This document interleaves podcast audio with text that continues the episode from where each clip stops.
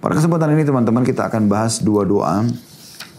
Yang doa ini umumnya berisikan tentang masalah mohon pengampunan dosa. Yang pertama, di halaman 53, doa yang ketiga yang kita pelajari pada doa setelah tasyahud akhir dan sebelum salam. Sabda Nabi SAW, Allahumma inni zalamtu nafsi zulman kathira ولا يكفر الذنوب إلا أنت فاغفر لي مغفرة من عندك وارحمني إنك أنت الغفور الرحيم yang artinya ya Allah Allahumma inni zalamtu nafsi sungguhnya aku telah uh, menzalimi diriku zulman kathira dengan kezaliman yang banyak kezaliman sini artinya berbuat dosa ya wala yakfiru dhunuba illa ant dan tidak ada yang bisa mengampuni dosa kecuali engkau faghfirli magfiratan min indik oleh karena itu karuniakanlah aku pengampunan dari sisimu. Warhamni dan kasihanilah aku. Innaka antal ghafurur rahim. Sesungguhnya kau zat yang maha pengampun lagi maha pengasih. Hadis ini diriwayatkan oleh Bukhari jadi 8 halaman 168 dan Muslim jadi 4 halaman 2078. Dan ini sudah kita uh, titik beratkan sebenarnya uh, dari maknanya kita bisa jelaskan atau kita bisa fahami kalau pemohonan ampun ya, dari dosa-dosa.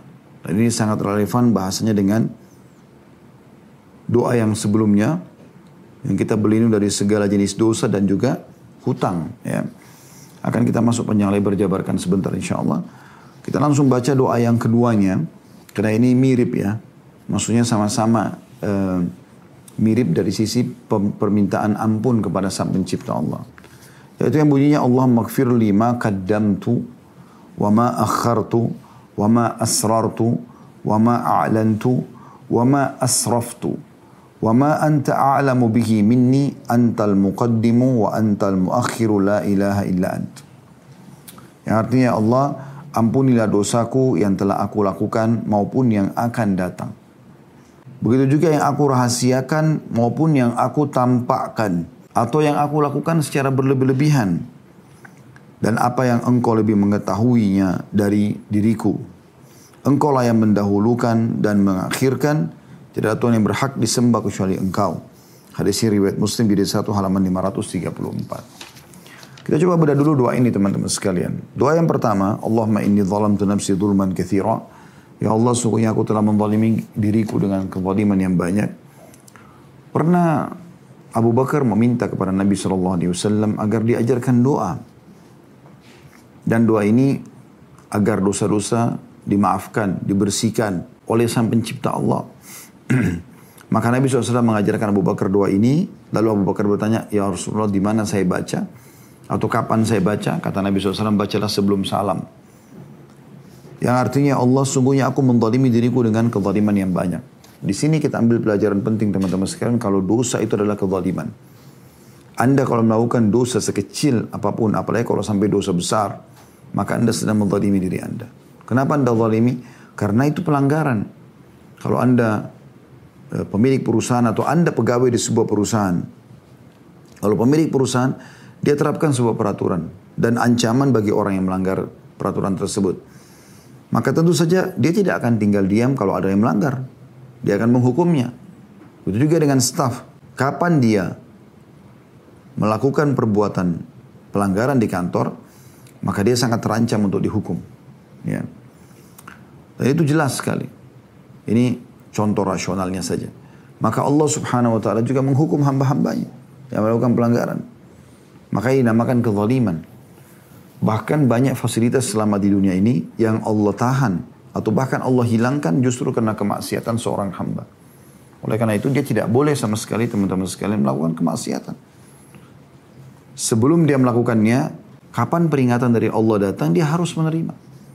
Baik itu melalui lisan manusia di sekitarnya, pasangan hidupnya kah, anak-anaknya kah, temannya kah, menasihati dia agar jangan dia terjerumus dalam dosa tersebut. Ataupun memang Allah subhanahu wa ta'ala datangkan sinyal itu kayak rasa takut, rasa khawatir, ya, rasa menyesal.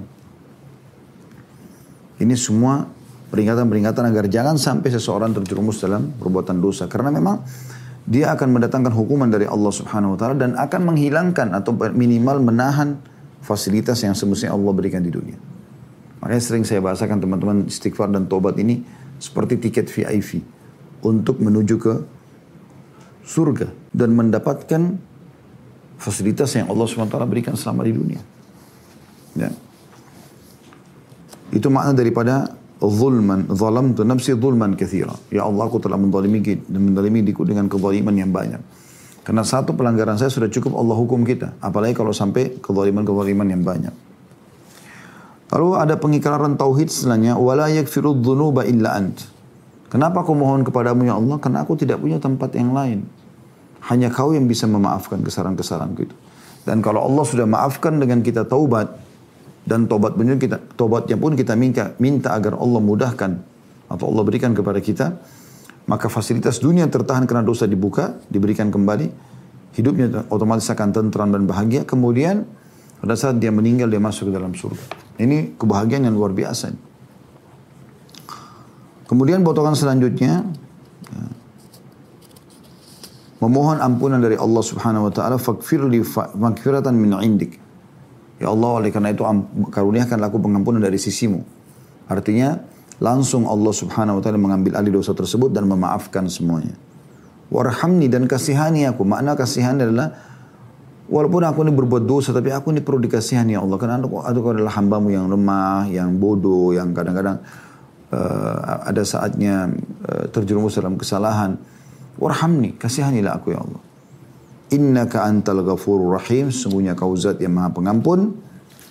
Lagi maha pengasih. Doa ini teman-teman sekalian. Ya. Doa bagaimana pengakuan seorang hamba terhadap dosa-dosanya. Dan ini dianjurkan sekali untuk dibaca karena memang dosa berbahaya sebagaimana saya jelaskan tadi. Di doa yang kedua, lebih detail lagi penyebutan tentang pelanggaran agama itu. Yaitu Allahumma kfirli ma qaddamtu. Ya Allah maafkan semua kesalahanku yang pernah aku lakukan. Mau kecil, mau besar, maafkan ya Allah. Wa ma akhartu dan apa yang aku akan akan apa yang akan aku lakukan. Jadi kita minta dosa yang telah berlalu. Kalau ke depan pun ada dosa aku lakukan, dimaafkan dari sekarang ya Allah. Ya. Wa ma asrartu dan apa pun yang aku sembunyikan, rahasiakan. Wa ma alantu dan apa yang aku lakukan terang-terangan. Wa ma asraftu dan apa yang aku berlebihan Sampai bertahun-tahun mengulangi dosa yang sama. Sudah tobat terulang lagi, tobat terulang lagi. Itu israf namanya. Berlebihan. Ya. Wa ma anta alamu bihi minni. Dan kau lebih tahu ya Allah daripada diriku. Pelanggaran-pelanggaran maksudnya mungkin ada yang aku lupa, aku nggak ingat. Tapi sebenarnya engkau mengetahui ya Allah. Antal muqaddimu antal muakhiru la ilaha illa Karena kamu adalah yang mendahulukan dan mengakhirkan. Tidak ada Tuhan yang berhak disembah kecuali engkau.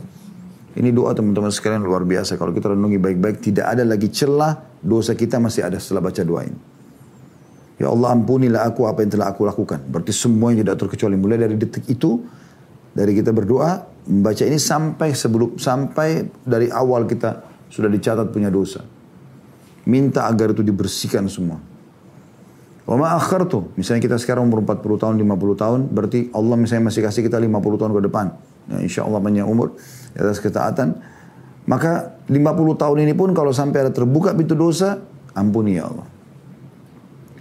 Wa ma asrartu dan apa yang aku sembunyi-sembunyi, aku rahasiakan. Tidak ada yang tahu. Hanya antara aku, pelaku, ya atau subjeknya dan juga Allah SWT. Wa ma'alan dan apa yang akan lakukan terang-terangan. Ada orang kadang-kadang menggibah, memfitnah, mencaci maki, memukul orang terang-terangan. Wa ma'asraf dan apa yang aku beri berlebihan. Ini lima permintaan ini luar biasa gitu. Ya. Jadi permintaan yang luar biasa terhadap dosa. Jadi tidak tertinggal satu pun dosa lagi setelah ini. Ya. Bahkan kita mengatakan wa ma anta alamu bihimi dan engkau lebih tahu ya Allah. Mungkin masih ada yang aku belum sebutin, engkau lebih tahu. Maafkan semuanya. Karena kau zat yang mendahulukan atau mengetahui yang dahulu dan juga yang akan datang. Tidak Tuhan yang berhak disembah kecuali engkau. Ya. Jadi ini dua-dua ini yang akan kita bahas insya, insya Allah panjang lebar. Sekali. Baik. Kita ingin menyinggung tentang masalah tobat dan istighfar. Tobat dan istighfar. Perkatakan, eh, perhatikan kata, perkataan Abu Musa al-Ash'ari radhiyallahu anhu sahabat Nabi yang mulia. Beliau pernah berkata, dahulu kita memiliki dua pelindung dari azab.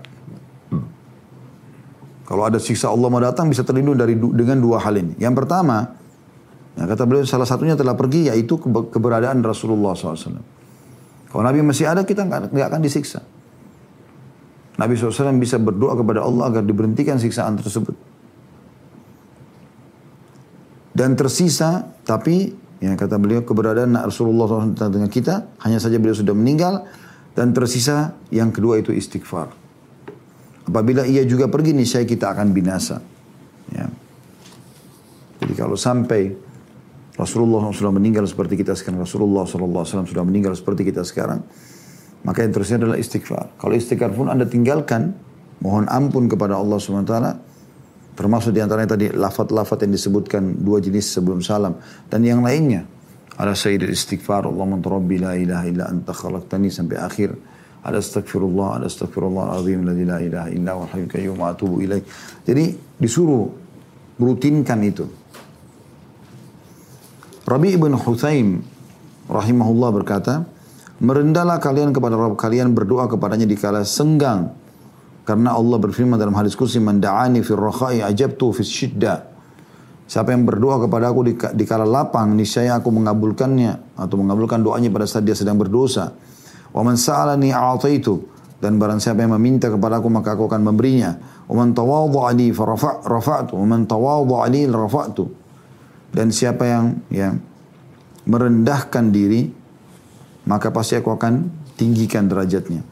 Oman tafarraga li rahimtu dan siapa yang meluangkan waktu untukku ya untuk beribadah kepadaku kata Allah SWT maka aku aku mengasihinya.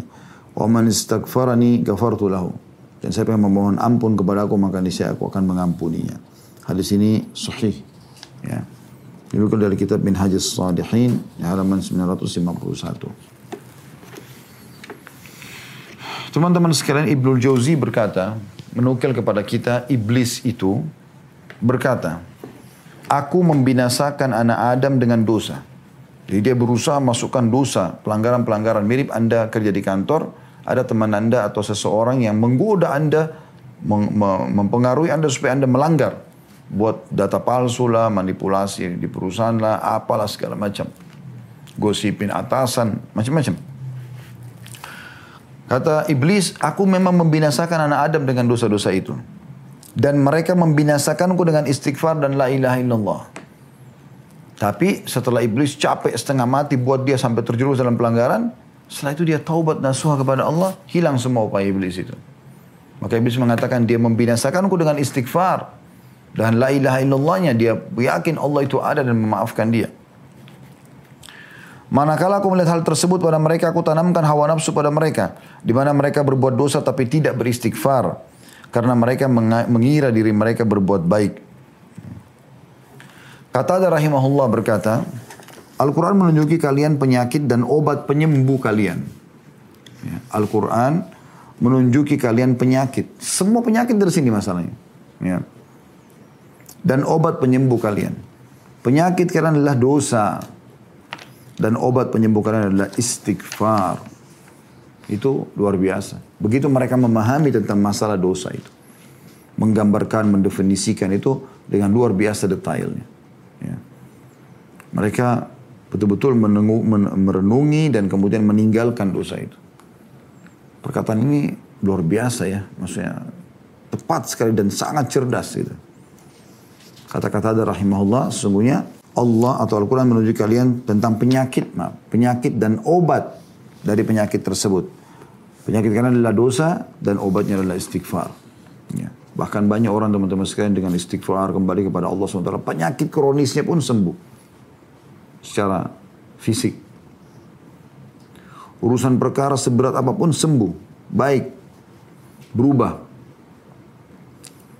Sampai seorang salafus saleh pernah menceritakan ada satu orang bertengkar sama istrinya sampai dia kira sudah akan terjadi perceraian. Dia keluar dari rumahnya sebelum subuh dan dia tidak lihat depannya kecuali masjid. Dia mampir, dia sholat tahajud berapa dua rakaat, kemudian dia sholat subuh berjamaah dengan imam. Habis itu dia mengatakan, saya kayaknya percuma juga pulang rumah istri saya sudah ribut dari semalam sudah mau pergi mungkin sekarang sudah pulang dia. Maksudnya pulang ke rumah orang tuanya gitu ya. Maka dia bilang saya pun duduk sambil sampai syuruk sampai terbit matahari sambil beristighfar kepada Allah. Begitu selesai saya sholat sunnah dua rakaat, lalu saya pulang ke rumah, saya temukan begitu saya buka rumah, rumah sudah wangi, bersih, ada sarapan gitu. Lalu istri saya temui saya dengan berseri-seri. Lalu kata orang ini, bukankah kau tadinya mau pergi dari rumah ini? Sudah mengajukan perceraian. Dia bilang, iya, tapi setelah kamu pergi tadi, meninggalkan rumah. Tiba-tiba saya merasa, ya hati saya merasa menyesal. Saya khawatir malah jauh dari rahmat Allah. Saya juga masih mencintaimu Ya. Maka kata suaminya, kira-kira kapan kamu mulai rasakan? Kata dia, sekitar beberapa saat yang lalu. Maksudnya pada saat suaminya ini atau si laki-laki mulai istighfar kepada Allah selepas subuh sampai terbit matahari. Jadi memang luar biasa, dia akan memberikan luar biasa jalan keluar kepada kita. Ya. Banyak orang yang anaknya sakit, dia berbanyak istighfar. Ya. Uh, dia lilit utang, dia berbanyak istighfar. Segala macam hal. Dia mulai dengan istighfar sampai di ikhtiar manusianya. Ke dokter minum obat dan seterusnya. Ali bin Abi Thalib berkata yang aneh dari orang yang binasa padahal keselamatan ada bersamanya. Beliau bertanya, apakah keselamatan itu? Kata Ali bin Abi Thalib, istighfar. Jadi Ali bin Abi Thalib heran dengan orang-orang yang banyak binasa, disiksa di kubur, uh, masuk ke dalam neraka nanti di akhirat. Sementara ada ada penyelamat dia. Sangat aneh kata beliau. Seseorang binasa padahal keselamatan bersamanya. Maka orang-orang di sekitarnya bertanya, memang yang anda maksudkan dengan keselamatan itu seperti apa? Kata Ali radhiyallahu anhu, istighfar. Istighfar itu begitu mengatakan astagfirullah wa atubu ilai. Aku memohon maaf kepadamu ya Allah. Ya, dan aku janji tidak akan mengulanginya. Maka sudah cukup itu. Kalau dia tulus untuk membersihkan kesalahan yang lalu. Sehingga fasilitas dunia kembali dan di akhirat nanti dia akan masuk ke dalam surga. Ali juga mengatakan tidaklah seorang hamba diilhami oleh Allah SWT untuk beristighfar sementara dia berkehendak untuk mengadabnya. Jadi kalau lisan anda sempat mengatakan astagfirullah wa atubu ilai jelas gitu kan. Maka berarti Allah ingin memang memaafkan kesalahan anda. Sebagaimana kalau lagi sakit anda berdoa kepada Allah merengek, manja. Ya Allah sembuhin penyakit saya. Sebenarnya Allah sudah menyiapkan kesembuhan. Cuma memang Allah menguji hamba tersebut. Seberapa sabar dia. Dalam sebuah hadis yang lain, kata Nabi SAW, kalau Allah mendengar sebuah doa yang indah dari hambanya, dari seorang hambanya, maka dia menerlambatkan jawabannya agar dia tetap dalam keadaan berdoa tersebut. Seorang yang saleh berkata, dari kaum salaf, hamba berada di antara dosa dan nikmat. Keduanya tidak akan menjadi baik kecuali nikmat disyukuri dan dan dosa diistighfari. Itu saja intinya. Nikmat adalah alhamdulillah, nikmat yang halal. ada dosa, anda istighfar bertobat kepada Allah. Diriwayatkan dari Luqman alaihissalam bahwa dia berwasiat kepada putranya, wahai anakku, Allah memiliki beberapa waktu, tidak ditolak orang yang meminta pada waktu itu, maka perbanyaklah istighfar. Jadi beliau bukan menyuruh anaknya untuk ya perbanyak doa, minta doa-doa kebaikan-kebaikan. Dia menekankan justru waktu mustajab gunakan untuk istighfar. Karena beliau sangat faham Luqman alaihissalam yang dalam surah Luqman disebutkan namanya kalau seseorang dosanya dibersihkan seperti orang di perusahaan diputihkan semua kesalahannya maka dia akan seperti orang yang baru di situ mendapatkan segala macam fasilitas yang baru yang bagus ya sampai dia bertemu dengan Allah Subhanahu wa taala. Aisyah juga berkata radhiyallahu anha tuba bagi yang mendapatkan banyak istighfar dalam buku catatan amalnya. dan Tuba adalah nama surga. Ada pendapat lain yang mengatakan dia nama pohon di surga. Abu Minhal berkata, tidaklah seorang hamba didampingi dalam kuburnya oleh pendamping yang lebih dia cintai daripada istighfar. Karena istighfar itu berarti memaafkan kesalahan kita. Maka fasilitas dunia kembali. Ya, kemudian dikubur pada saat dia mati dia husnul khatim, pada saat dia masuk dalam kubur kuburnya jadi taman dari taman jadi taman menjadi taman dari taman surga. Selanjutnya dia akan mendapatkan semua fasilitas apa yang Allah Subhanahu wa taala janjikan untuk dia dan fasilitas akhirat dia akan dapat. Dalam berarti kata fasilitas dunia akan kembali, fasilitas akhirat juga akan dapat.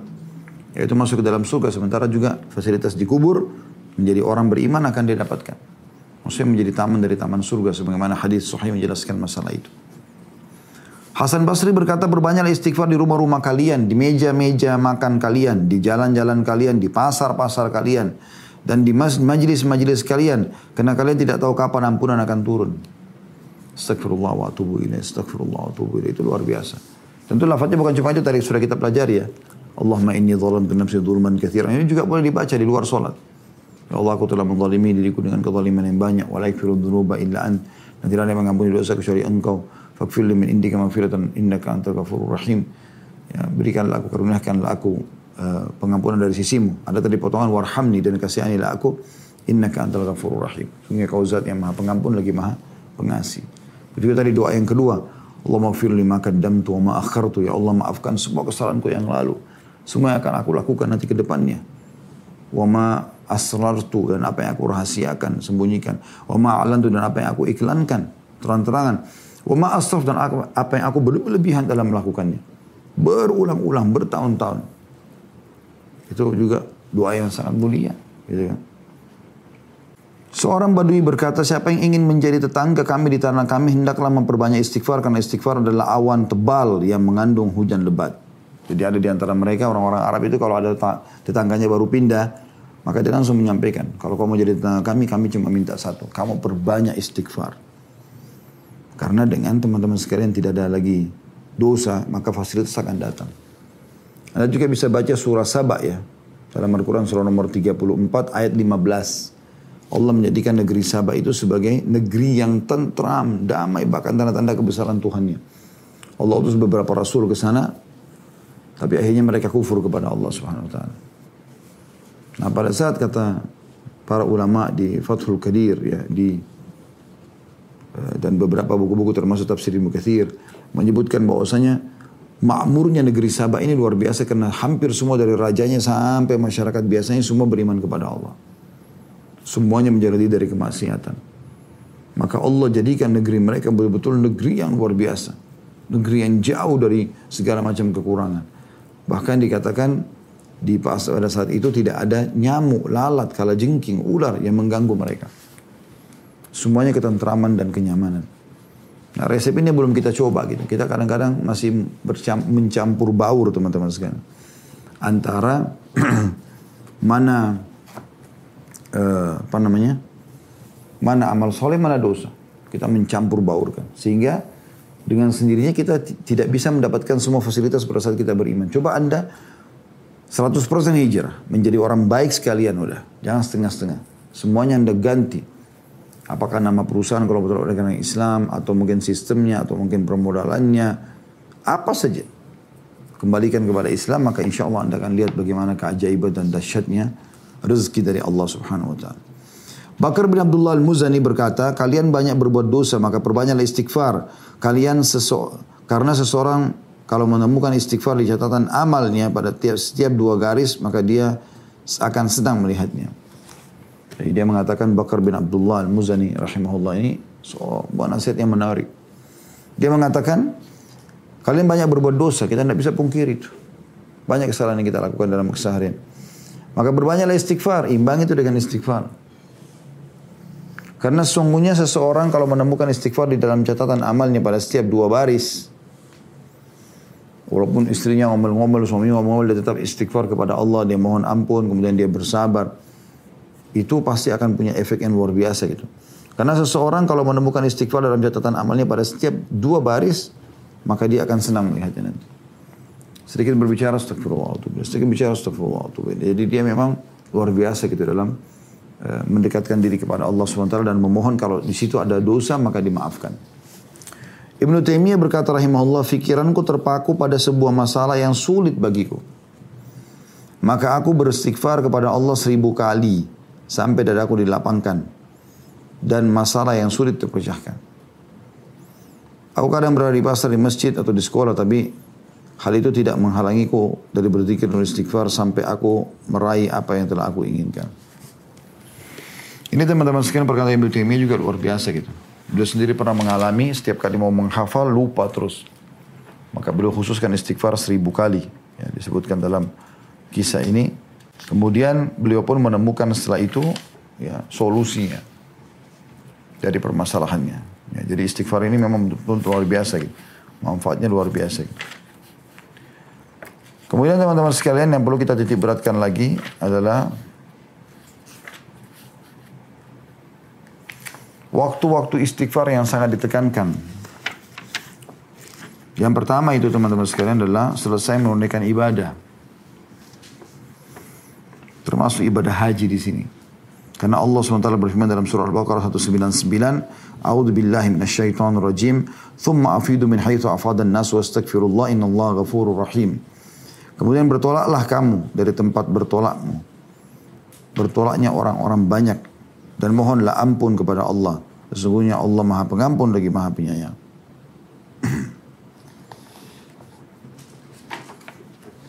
Kemudian yang kedua,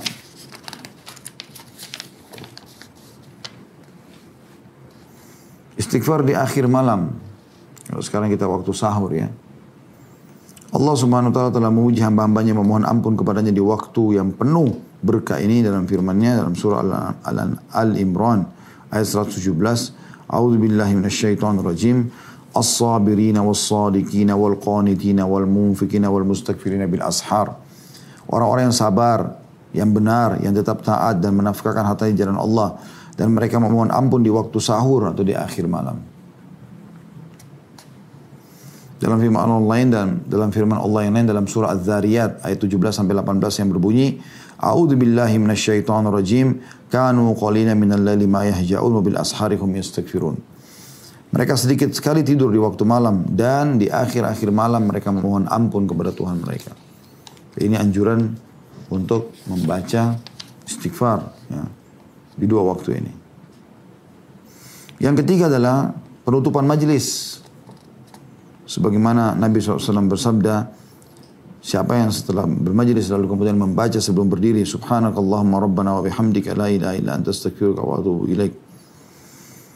Maha suci engkau ya Allah, Tuhanku, dan segala puji bagimu. Tidak ada Tuhan yang berhak disembah kecuali Allah, kecuali engkau.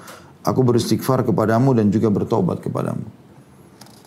Nah, ini kafaratul majlis. Kata Nabi SAW, siapa yang membaca ini, ya setelah kumpul di satu majelis, maka akan dibersihkan dosa-dosanya. Kemudian yang keempat, teman-teman sekalian, waktunya memohon ampunan bagi orang yang meninggal. Ini juga boleh ya. Karena kata Nabi SAW, Istaghfiru li akhikum wasalu lahu tatbid, wasalu bit tathbid, fa innahu ana yus'al. Artinya, mintalah ampun bagi seseorang atau bagi saudara kalian ini dan mintalah keteguhan baginya karena dia sekarang sedang ditanya. Jadi setiap kali Nabi SAW antar jenazah, sebelum pulang belum mengatakan itu. Istaghfiru li akhikum. Mohon ampun untuk saudara-saudara untuk saudara kalian yang meninggal ini. Jadi yang hadir suruh beristighfar. Wasalu lahu bit dan mintalah kepada Allah ya agar dikokohkan orang tersebut di atas keimanan fa innahu ana yus'al karena sekarang dia akan ditanya. Yang misalnya di kuburan. Kemudian teman-teman sekalian yang perlu kita uh, titik beratkan sekarang adalah manifestasi dan buah istighfar. Ini penutupannya.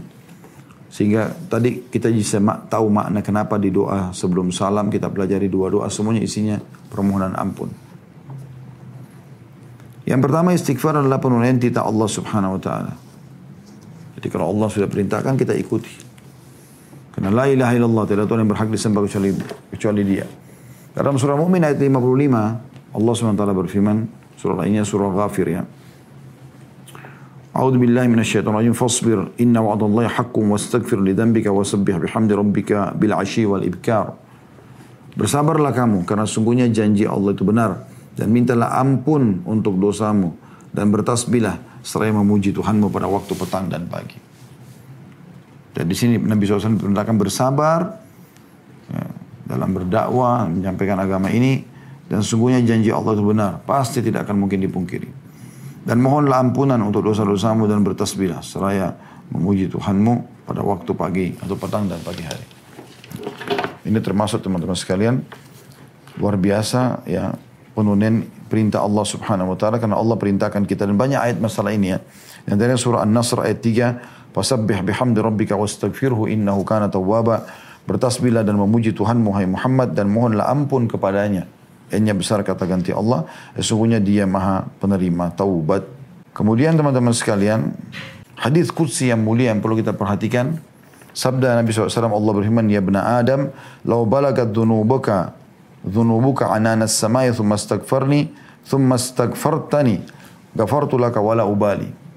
Hai anak Adam, seandainya dosamu mencapai langit, kemudian kamu memohon ampun atau istighfar kepadaku, niscaya ya, aku akan mengampunimu tanpa aku peduli. Hadis ini riwayatkan Tirmidzi dengan sanad hasan sahih. Ya, jadi luar biasa dia bisa menjadi penyebab ya, dimaafkan semua kesalahan-kesalahan. Bahkan tidak mengenal jumlah lagi. Berapa banyak pun, berapa kali diulangin pun, asal orang tulus dalam bertobat dan istighfar, Allah akan berikan dia itu. Itu yang pertama tentang pelaksanaan kita Allah. Yang kedua, istighfar termasuk sebab rezeki. Sebagaimana Allah subhanahu wa ta'ala menyebutkan dalam surah Nuh. Nuh berkata kepada kaumnya, ya, ayat 10 sampai ayat 12. A'udhu billahi rajim. Astaghfiru rabbakum innahu kana ghaffara. Maka aku pun kata Nuh AS mengatakan mohonlah ampunan kepada Tuhanmu. Sesungguhnya dia yang maha pengampun dan dia akan mengirimkan hujan kepadamu. Maaf, sesungguhnya dia maha pengampun dulu ya. Fakultu astaghfiru rabbakum innahu kana ghafara. Yursilis sama alaikum idrara. Maka dia akan memperbanyak ya, atau menurunkan hujan yang lebat dan memperbanyak harta juga anak-anakmu. Wa yumdidkum bi amwalin wa banina wa yaj'al lakum jannatin wa yaj'al lakum anhara dan dia akan mengirimkan akan dan dia mengadakan untukmu kebun-kebun.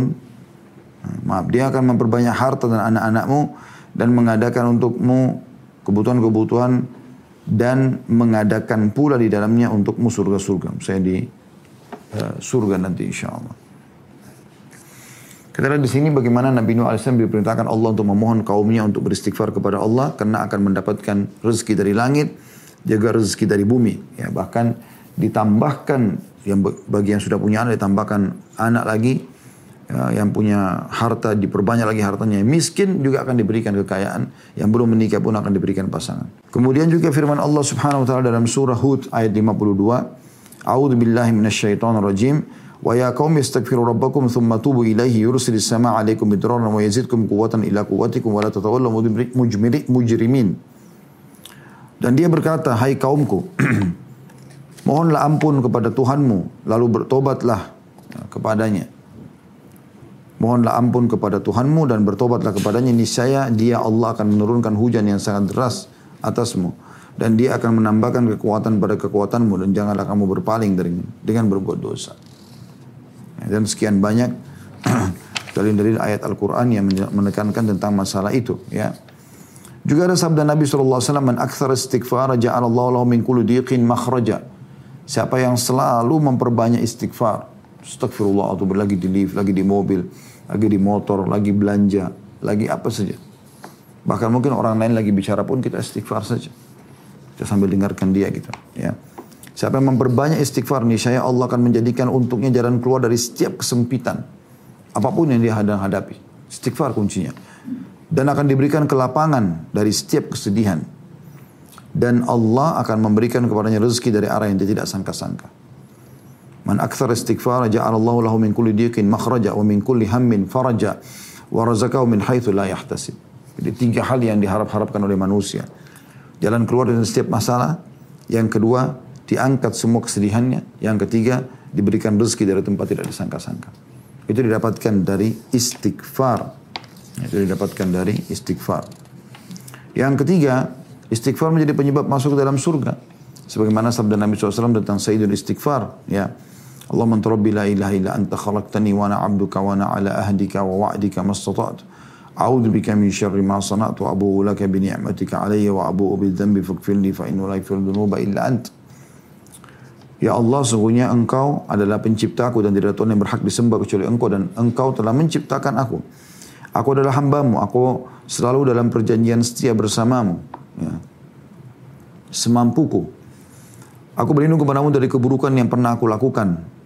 Dan aku mengakui semua nikmat yang engkau telah berikan kepadaku. Dan aku mengakui juga dosa-dosaku, maka ampunilah aku karena tidak ada yang mengampuni dosa kecuali engkau. Kata Nabi SAW, وَمَنْ قَالَهَا مِنَ النَّهَارِ مُوقِنًا بِهَا فَمَاتَ مِنْ يَوْمِ قَبْلَ أَنْ يُمْسِيَ فَهُوَ مِنْ أَهْلِ الْجَنَّةِ Siapa yang mengucapkan ini ya, pada pagi hari atau siang hari yakin terhadap doa ini kemudian dia meninggal pada hari tersebut sebelum tiba sore hari ya maka dia akan dipastikan masuk ke dalam surga wa man qala minal laili wa huwa mukinun mukinun biha famata qabla yusbih fahuwa min ahli fahuwa min ahli jannah. Dan barang siapa yang mengucapkannya ya, di malam hari dengan penuh keyakinan agar Allah ya, memaafkan kesalahannya, mohon kepada Allah tentang keberadaan Allah, rahmat Allah yang luas. Dia yakin dengan itu semua. Kemudian dia meninggal sebelum tiba pagi hari, maka dia termasuk ahli surga. Istighfar juga akan memaafkan dosa-dosa. Ya. Sebagaimana sudah kita tahu uh, di dalam banyak firman Allah SWT di antaranya surah Al-Imran ayat 135. Kalau teman-teman mau buka aplikasi handphonenya silahkan. Surah Al-Imran ayat 135. Bunyinya a'udzubillahi minasyaitonir rajim walladzina idza fa'alu fahishatan aw dhalamu anfusahum dzakarullaha fastaghfaru fastaghfaru lidzunubihim wa man yaghfiru dzunuba illallah wa lam yusirru ala ma fa'alu wa hum ya'lamun. Dan juga orang-orang yang apabila mengerjakan perbuatan keji atau menganiaya diri mereka sendiri mereka berbuat dosa. Mereka ingat kepada Allah. Lalu memohon ampun. Istighfar terhadap dosa-dosa mereka. Dan siapa lagi yang dapat mengampuni dosa selain Allah. Dan mereka tidak meneruskan perbuatan kejinya. Sedangkan mereka sudah mengetahui. Jadi orang bisa terjerumus dalam dosa. Tapi bukan berarti dia terus mengulang-ulanginya. Kalau sudah tobat nasuha dan ternyata terbuka lagi pintu dosa beberapa waktu yang akan datang. Dia mohon ampun lagi istighfar kepada Allah dengan tulus. Dengan tanpa dan niat dari awal atau tobat awal. Oh nanti kalau saya buat lagi saya akan tobat. Ya bukan begitu. Memang dia ya lewatin dalam arti kata dia lewatin dengan ketaatan segala macam. 10 tahun kemudian terjerumus lagi dalam dosa yang sama tanpa dia programkan, maka di situ ditobat, diterima lagi tobatnya. Abdullah bin Mas'ud radhiyallahu anhu sempat mengatakan dalam kitab Allah terdapat dua ayat. Apabila seorang hamba melakukan sebuah dosa lalu membacanya dan beristighfar kepada Allah, maka Allah akan memberikan ampunan kepadanya. Kemudian beliau membaca ayat ini. Al-Imran 135. Jadi Allah SWT akan memaafkan dosa-dosa dengan istighfar. Ya. Kemudian teman-teman sekalian, cukup banyak dalilnya saya lewatin. Kemudian yang kelima istighfar mencegah dari hukuman Allah Subhanahu wa taala. Sebagaimana Hasan Basri berkata rahimahullah, wahai anak Adam, meninggalkan dosa lebih ringan bagimu daripada mencari taubat. Maka jangan sampai kamu melakukan perbuatan dosa karena akan mendatangkan hukuman Allah. Ya.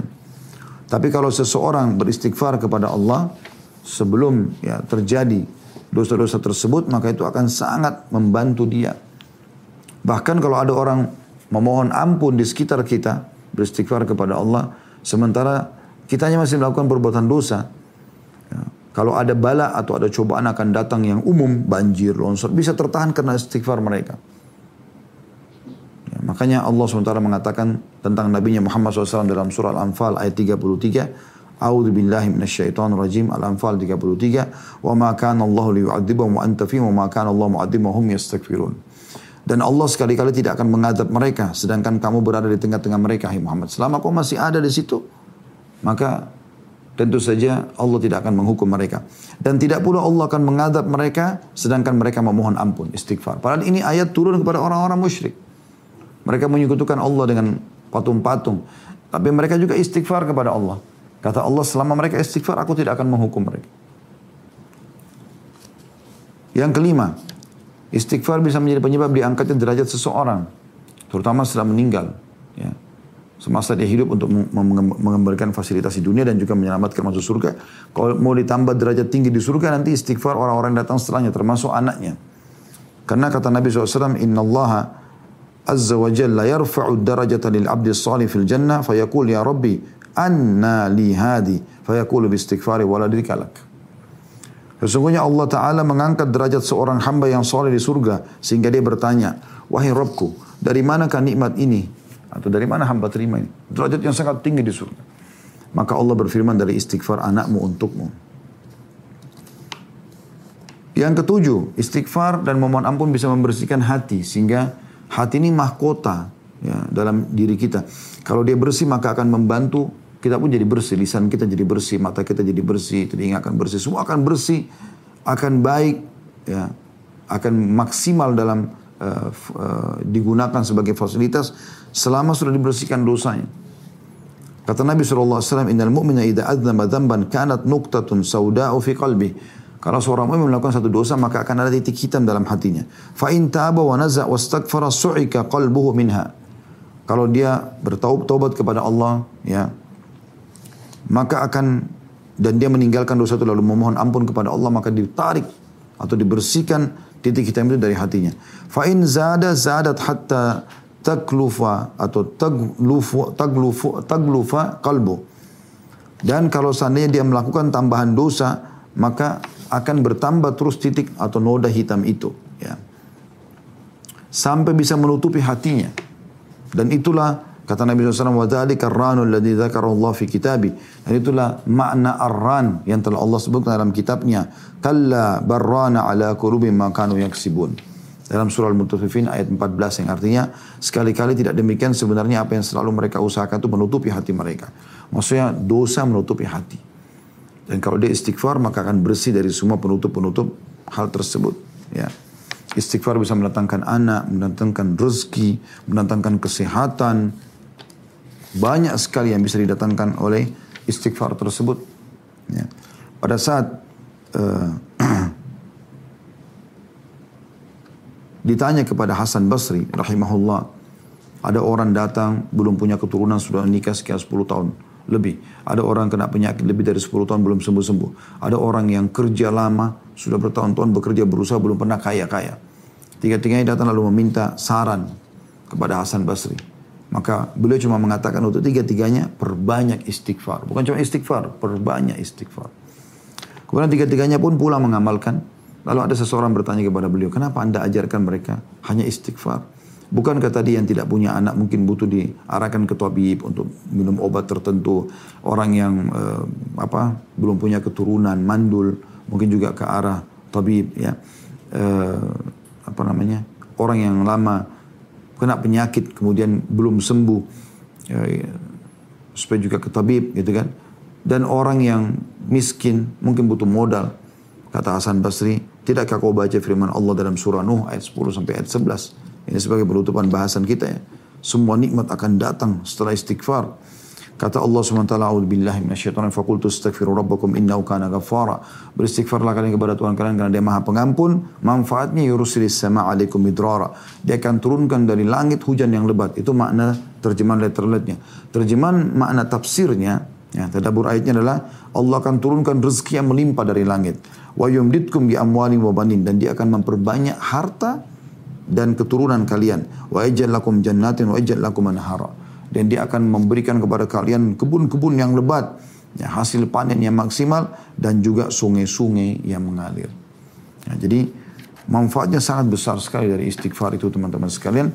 Makanya dalam doa sebelum salami, dua doa tadi yang kita bacakan, betul-betul doa yang luar biasa bagaimana kita mengakui kezaliman yang pernah kita lakukan, lalu kita minta pengampunan dari Allah, lalu kita di doa yang kedua minta, ya Allah yang sudah aku lakukan, yang akan aku lakukan, yang aku uh, sembunyikan, yang aku tampakkan, yang aku berlebih-lebihan, semuanya maafkan ya Allah.